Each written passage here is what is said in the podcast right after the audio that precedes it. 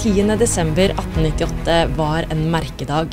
Da ble nemlig Budstikka grunnlagt av Jørgen Kanitz. Så i disse dager så runder vi altså 125 år som avis og mediehus. Ja, og i den forbindelse har vi publisert en helt ny podkastserie. For i løpet av disse 125 årene er det fem år som utmerker seg negativt.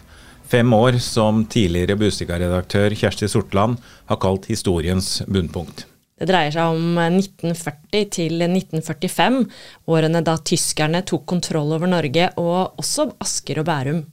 Disse årene var det tøft å være avisredaktør, og det fikk Budstikkas daværende redaktør Johs Løken virkelig erfare. Løken fortsatte å utgi avisen selv om nazistene og Pressedirektoratet kom med detaljerte instrukser for hva som var tillatt å publisere og ikke. Ikke bare ble Løken tvunget til å publisere nazipropaganda, han måtte også få en nazist inn i redaksjonen.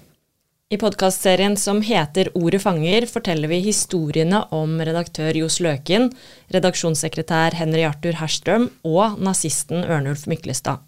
Vi forteller også historier om noen av de som jobbet mot nazistene i Asker og Bærum, om Stabekk-rektoren som sto opp mot okkupantene, om Benkow-familien som nesten ble utryddet, og om de som risikerte livet for å utgi illegale aviser.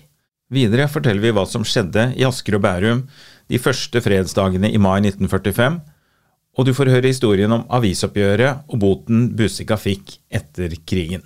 Ordet fanger er historien om Budstikka under andre verdenskrig, basert på et magasin som Budstikka utga i 2018, da avisen var 120 år.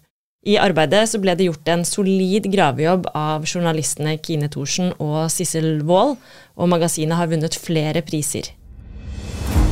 Nå kan du lytte til disse historiene som podkast.